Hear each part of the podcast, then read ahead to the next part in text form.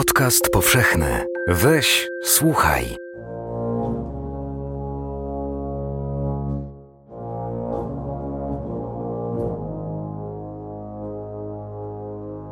W istocie polecił przerwać działania wojenne. Miała się rozpocząć defilada. Na bezkresnych błoniach ustawiły się pułki wszystkich rodzajów broni, niestety w szarych mundurach polowych. Również jedna z tych modnych nowinek, które nie dogadzały cesarzowi.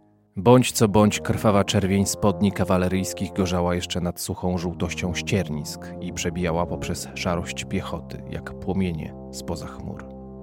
Wąskie, matowe błyskawice wyciągniętych szabel drgały przed maszerującymi szeregami. Czerwone krzyże na białym tle połyskiwały za oddziałami karabinów maszynowych. Niby pogańscy bogowie wojny na swych ciężkich rydwanach toczyli się artylerzyści a piękne kasztanki i bułanki wierzgały i stawały dęba z hardą i mocną uległością. Przez lornetę polową śledził cesarz ruchy każdego plutonu i przez parę minut był dumny ze swej armii. Ale w parę minut potem poczuł żal, że ją musi stracić, gdyż widział ją już rozbitą i rozproszoną, podzieloną między wiele narodów swej wielkiej monarchii.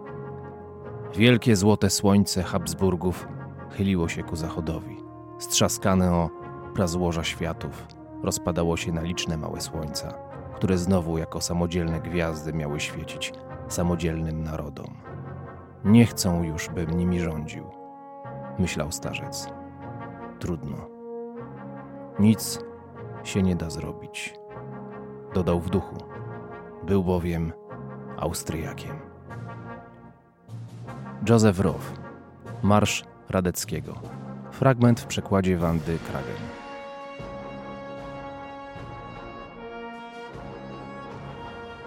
Choć Joseph Roth zmarł 27 maja 1939 roku, był jednak gościem specjalnym festiwalu Konrada. I bynajmniej nie chodziło o żadne sanse spirytystyczne ani sesje wspominkowe. Goście panelu zatytułowanego Józef Roth i Cesarstwo Ukresu Konania, czyli Elżbieta Jogała, Małgorzata Łukasiewicz i Joanna Ugniewska, byli zgodni, że Roth jak rzadko który pisarz, pozostaje do dziś postacią ważną i aktualną. Rot, dziś najbardziej znany jest ze swoich tzw. Tak habsburskich powieści, czyli Marszu Radeckiego czy Krypty Kapucynów, w których dokonuje apoteozy CK monarchii, choć bardzo swoistej, bo nie pozbawionej krytyki. Jednak za życia był kojarzony przede wszystkim jako dziennikarz i reportażysta, baczny obserwator życia społecznego, szczególnie brutalnych przemian w Niemczech lat 30. Gościem naszej audycji będzie Piotr Paziński, pisarz, krytyk literacki, eseista, tłumacz i dziennikarz, redaktor naczelny miesięcznika Midrasz. Piotr Paziński zasłynął jako autor głośnej powieści Pensjonat, okrzykniętej przez krytyków pierwszym w Polsce głosem trzeciego pokolenia po Holokauście, za którą autor otrzymał paszport polityki w 2009 roku. W 2015 roku ukazał się jego zbiór esejów z pogranicza literaturoznawstwa i filozofii Rzeczywistość poprzecierana, który to tom w 2016 roku otrzymał nominację do Nagrody Literackiej Gdynia. W specjalnym dodatku konradowskim Tygodnika Powszechnego Piotr Paziński, prezentujący Rota jako postać na wskroś współczesną, napisał o nim tak. Sentymentalny piewca chwały Franciszka Józefa, przeczytany z uwagą i bez stereotypów, odzyskuje pazur wszechstronnego, zaangażowanego społecznie obserwatora i krytyka rzeczywistości, a jego teksty stają się dziś niepokojąco aktualne. Tezę tę rozwija w naszej rozmowie takim gościem specjalnym festiwalu okazał się Józef Roth, e, który od jakiegoś czasu już no nie ma go wśród nas, ale, e, ale wciąż jest, jak mówili Państwo podczas spotkania, e, bardzo aktualnym i żywym intelektualnie, jak mówił profesor Markowski, jest wciąż żywy intelektualnie i w tym sensie jest wśród nas. Mógł nam Pan powiedzieć, nie ukrywam, no, w dziennikarskim skrócie, dlaczego, dlaczego Józef Roth e, jest wśród nas i dlaczego powinien być wśród nas? Jest wśród nas, ponieważ bardzo lubił literackie e, maskarady i opowiadał o sobie różne wersje własnych życiorysów. Lubował się w tym raz, opowiadał życiorys prawdziwy, że pochodził z Brodów, z biednej żydowskiej rodziny. Innym razem mówił, że jest e, synem nieślubnym jakiegoś e, Habsburga albo jakiegoś księcia, e, włóczęgą i, i, i trochę mitomanem, a trochę fantastą, a trochę mitotwórcą. Więc to, że on się znalazł zapisany jako żywy wśród innych żywych uczestników festiwalu Konrada, mieści się całkowicie w tym jego dekorum. Natomiast no, to jest sprawa jakby mniej poważna. Natomiast poważna jest taka, że jest autorem kilkunastu książek, z których przynajmniej dwie trzecie to są wybitne powieści. Wybitne powieści pisane w języku niemieckim, literatury niemieckiej, czy literatury austro-węgierskiej, jak to woli, które mm, no, warto czytać, bo są świetną literaturą. Marsz Radeckiego, Hiob, Fałszywa Waga, e, prawda, e, Hotel Savoy, e, Krypta Kapucynów. No można tego wymieniać i wymieniać. E, tytuły, które nie są tylko zabytkiem literatury, czy nie tylko opowiadają o jakimś świecie, którego prawda już nie ma, właśnie znowuż o starej Austrii, o cesarzu Franciszku Józefie albo o e, Sztetlu gdzieś na, na pograniczu e, polsko-rosyjskim, ale są literaturą zaskakująco obfitą w rozmaite sensy, prawda, w, w opisy typów ludzkich takich typów ludzkich, których z jednej strony niby już nie ma, ale można ich spotkać e, nadal. Ludzi bez adresu, ludzi porozbijanych życiowo, ludzi nie mogących sobie znaleźć e, miejsca e, drobnych kupców, drobnych robotników, drobnych włóczęgów, prawda, ale też i przemysłowców zmieniających poglądy polityczne w zależności od koniunktury. To są ludzie, którzy są wciąż aktualni i tak samo aktualne są książki Rod. Mówił Pan o powieściach, ale też e, pisał Pan wcześniej o tym, że Rod e, był za życia bardziej znany jako dziennikarz. Dziennikarska część jego twórczości, jego spuścizny teraz powraca, jest jakoś odpominana. Dlaczego? To wydawało się, że to jest takie dosyć nieaktualne jednak dotyczące tamtego konkretnego czasu. Dlaczego czytamy go jako dziennikarza dzisiaj znowu? No po pierwsze jest tak, że rzeczywiście przypominamy całego Józefa Rota. W wydawnictwie Austeria staramy się wydać wszystko, co Józef Rot napisał, czy prawie wszystko, wszystkie jego powieści. Również takie, które były popularne przed wojną w polskich przekładach, bardzo dobrych, które się nie zestarzały, a które z różnych względów nie były wznawiane. Ale także rzeczywiście przy, przypominamy, czy tak naprawdę dajemy polskim czytelnikom po raz pierwszy możliwość wglądu w Rota dziennikarz. To prawda, że e, dziennikarstwo się bardzo starzeje, chociaż myślę, że to starsze dziennikarstwo, kiedy czas płynął może troszeczkę wolniej, starzeje się też e, wolniej. Poza tym my nie mówimy o dziennikarstwie w sensie newsów, prawda, które rzeczywiście no, nie, nie miałoby sensu takiego e, dziennikarstwa przypominać. Rad był przede wszystkim doskonałym reporterzem reportażystą, który jeździł bez przerwy po świecie, po Europie i zostawił po sobie świetne reportaże ze Związku Sowieckiego, który liczył sobie wtedy 10 lat, prawda, z Polski, z II Rzeczypospolitej, bardzo interesujące e, tom e, tekstów, które otrzymamy niedługo e, po polsku, z Republiki Weimarskiej, gdzie śledził rozwój polityki, prawda, tego państwa niemieckiego i jego staczanie się e, w stronę hitleryzmu z Francji, ale też z Albanii, też z Wiednia. E, więc e, to nie są rzeczy, które się zdezaktualizowały. Nie zdezaktualizowały się ani jako literatura. Rod zresztą nie czynił jakiegoś wielkiego rozróżnienia pomiędzy swoją sztuką dziennikarską a pisarską, prawda? Robił jedno i drugie. Wiele jego powieści ma charakter rzeczy pisanych na bieżąco, z odcinka na odcinek, więc jak się poznaje rota dziennikarza, widać, dlaczego niektóre jego powieści tak wyglądają. A z kolei, y, a z kolei te teksty dziennikarskie, jak mówię, one się nie, nie, nie zestarzały. Proszę wziąć ten tom, który już jest, Wiedeńskie znaki czasu Wiedeń, rok 1919, miasto nędzy, miasto niepokojów społecznych, miasto wybuchającego nacjonalizmu, kalek, y, które wróciły z wojny, Hiszpanki, która zabija y, ludzi, prawda, miasto kinematografu, gazet, kłótni politycznych. No, oczywiście to jest 100 lat temu, ale to, to się świetnie czyta i też ma bardzo wiele wspólnego z naszą współczesnością.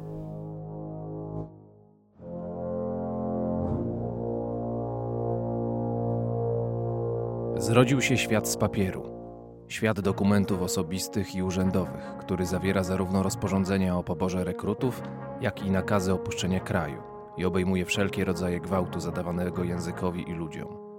Rozkaz mobilizacyjny z 1914 roku i układ pokojowy z roku 1919 to awers i rewers tej samej karty papieru, na której 14 punktów traktujących o sprawiedliwości niepostrzeżenie zaginęło pośród 14 tysięcy wykrzykników wzmacniających rozkaz natarcia. Papier, papier, papier jest warunkiem narodzin, zezwoleniem na istnienie, co uprawnia do tak zwanej egzystencji, a stronica gazety wyznacza kres horyzontu. Światopogląd stał się broszurą. Ściany każdego mieszkania składają się z 44 milionów nakazów oszczędnościowych. I są głuche na Twoje skargi. Nawet pas, który zaciskasz, zrobiony jest z papieru. Papier, papier, papier. Świat ze szmat, odpadków, strzępków materii i garstki idei. Czy ktoś nie mówił jednak o deficycie papieru? W tym wielkim papierowym szeleście brakuje szelestu osobistego. Brakuje owego specjalnego rodzaju papieru, którego istnienie jest koniecznością higieniczną. Jedynego papieru, któremu nie da się niczego zarzucić. Może winniśmy podeptać rozporządzenia? Ach nie, one nie zastąpią tego papieru. Jego erzacem może być co najwyżej banknot, ale też tylko za granicą. Och, co za zamieszanie. Der Neue Tag. 19 października 1919 roku. Z Joseph Roth. Wiedeńskie znaki czasu. Felietony z lat 1915-1919. Fragment w przekładzie Małgorzaty Łukasia Gziema. Wiedeńskie znaki czasu to zbiór tekstów dziennikarskich Rota ukazujących się w lokalnej prasie w latach 1918-1919, czyli zaraz po zakończeniu I wojny światowej. Był to czas szczególny w Wiedniu i w całej Austrii. Oto nie żyje cesarz, ojciec imperium, które przeżyło go zaledwie o dwa lata. Austriacy są zagubieni, osieroceni i wymęczeni wyniszczającą wojną. Jednocześnie w mieście jeszcze niedawno jednej z najważniejszych stolic świata, dominuje tęsknota za dawną wielkością, ładem i splendorem. Do tego pojawia się głód, drożyzna i epidemia hiszpanki. Rot bacznie obserwuje te wszystkie wydarzenia i rejestruje nastroje społeczne Wiedeńczyków. Jego teksty dotyczą konkretnych wydarzeń i miejsc, jednakże wnioski, które wyciąga, są w dużym stopniu uniwersalne. Dlatego także dziś, zarówno jako prozaik, ale także dziennikarz, pozostaje ważnym pisarzem naszej współczesności. A czy byłaby jakaś, powiedzmy, lekcja życia, czy lekcja obserwacji życia, którą można by było dzisiaj, to znaczy w tym momencie historycznym, odebrać od Rota jako, e, jako prozaika, ale także jako e, reportażysty? Nie wiem, czy jedna. Rod był rzeczywiście człowiekiem niezakorzenionym, tak? człowiekiem, który żył trochę y, i mistyfikował własny życiorys i żył trochę mistyfikując przeszłość. Przeszłość oczywiście monarchii austro-węgierskiej, którą sobie ulubił, w której widział jakąś minioną już receptę na, na, na, na europejskie nacjonalizmy, na, na, na politykę. Widział w niej jakiś model ładu świata, który mu bardziej odpowiadał niż to, co, niż to, co działo się w Europie w latach 30. Pewnie dzisiaj byłby zwolennikiem Unii Europejskiej, jako tegoś takiego ponadnarodowego tworu, w którym różni ludzie mogą obok siebie żyć ale on też może być patronem ludzi bez adresu, ludzi, którzy mieszkają wyłącznie w hotelach i nie posiadają własnego domu, e, ludzi, którzy, którzy nie mają swojego miejsca. Mm, więc czy stąd jest jakaś lekcja? Nie wiem, e, ale, ale, ale myślę, że myślę, że Rod e, może być bliski bliski tym ludziom, którzy chcą czytać i rozumieć innych ludzi, którzy podpatrują, którzy e, obserwują bacznie e, zwyczajnych ludzi. Tak? Większość jego bohaterów to są zwyczajni ludzie. Oprócz Franciszka Józefa, prawda, to, to, są, to są drobni kupcy. To są często właśnie ludzie bez adresu, to są często y, ludzie biedni E, myślę, że rod uczy nas wrażliwości e, na, na biedę, na wykorzenienie, e, na brak domu. na to, żebyśmy też na takich ludzi zwracali uwagę i w życiu, i w literaturze. A myśli pan, że mm, jest szansa, żeby oderwać sierotowi tę łatkę takiego piewcy, apologety, cesarstwa, cesarza, u kresu jego konanie. Taka łatka trochę, chyba trochę jest, no wiadomo, że ona ma swoje uzasadnienie, ale z drugiej strony jest trochę szkodliwa dla pisarza, który był tak różnorodny i tak, tak bogatą spuścinę po sobie zostawił. No, uważam, że jedyną receptą jest to, co robimy, to znaczy wydanie dzieł wszystkich, czy, czy też dużego korpusu jego dzieł i pokazanie właśnie, że to nie tylko Marsz Radyckiego, prawda, i Krypta Kapucynów, czyli te dwie takie sztandarowe powieści właśnie habsburskie. To nie jest oczywiście tak, że, że, że, ponieważ to są jedne z najlepszych jego książek. Marsz Radeckiego jest być może po prostu najlepszą powieścią Rota. To też nie ma co z kolei udawać, że on tych Habsburgów nie lubił czy, czy, czy, czy się odwracał. Natomiast proporcje po ukazaniu się du dużego korpusu dzieł Rota się zmienią, niewątpliwie. To jest kilka książek, które się dzieją we wschodnioeuropejskich sztetlach, ale też przynajmniej dwie bardzo interesujące e, powieści e, osadzone w Republice Weimarskiej, prawda, które przesuwają nam trochę punkt ciężkości na, na, na Niemcy lat dwudziestych. E, no i reportaże, które dotyczą właściwie połowy krajów e, Europy, e, więc także Polski, która w sumie urota jest bardzo słabo obecna, mimo że mimo że miał polskie obywatelstwo i teoretycznie mógł mieszkać w II Rzeczypospolitej, wybrał włóczęgostwo i, i patriotyzm nieistniejącego państwa austriackiego, ale mm, monarchii, ale, ale, ale mógł. Także y, nie, te proporcje się oczywiście zmienią i to nie będzie tylko i wyłącznie autor Marsza Radyckiego i Hioba, chociaż te dwie książki chyba pozostaną jako jego najlepsze książki. Na to już nic nie poradzimy. No miejmy nadzieję, że jednak coś, coś drgnie i e, będziemy mogli zobaczyć Rota trochę inaczej niż to kanonicznie wygląda do dzisiaj. Nie no, jak mówię, no to kanon zostanie rozbity o tyle, o ile, ile dojdą kolejne tomy, które, go pokażą z innej perspektywy, to na pewno. Natomiast one nie, nie ważnią tego, że, że, że, że właśnie, że Marsz Radeckiego i Hiob to są, to, to są jego najwybitniejsze utwory literackie.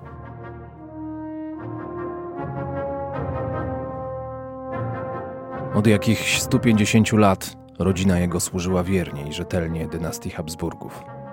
Ale już jego dwaj dorastający synowie mówili o wyzwoleniu wszystkich Słowian południowych i ukrywali przed nim broszury, pochodzące prawdopodobnie z wrogiego Belgradu. Kochał swoich synów. Co dzień po południu o godzinie pierwszej, gdy pułk przejeżdżał obok gimnazjum, wybiegali mu naprzeciw. Wypadali z wielkiej brązowej bramy, z rozwianymi włosami z uśmiechem na rozchylonych wargach i ojcowska czułość kazała mu za każdym razem zsiadać z konia i uściskać dzieci. Przymykał oczy, widząc, że czytają podejrzane gazety i zatykał uszy, słysząc, że mówią o podejrzanych sprawach. Był mądry i wiedział, że stoi bezsilnie między swymi przodkami, a swymi potomkami powołanymi na protoplastów zupełnie nowego pokolenia. Mieli jego twarz, jego włosy i oczy. Ale ich serca biły nowym rytmem, mózgi rodziły nowe myśli, krtanie śpiewały nowe, jemu nieznane pieśni. I mając lat czterdzieści, rotmistrz czuł się starcem, a synowie wydawali mu się prawnukami, których nie pojmował. Józef Roth, Marsz Radeckiego. Fragment w przekładzie Wandy Kragen.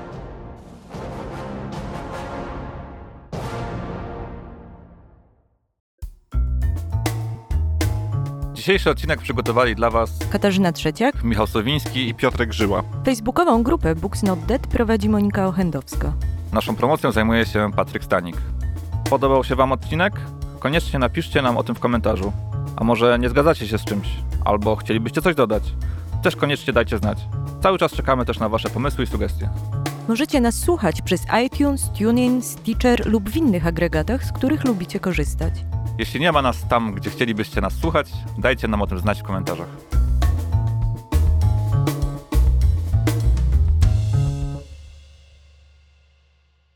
Podcast powszechny. Weź, słuchaj.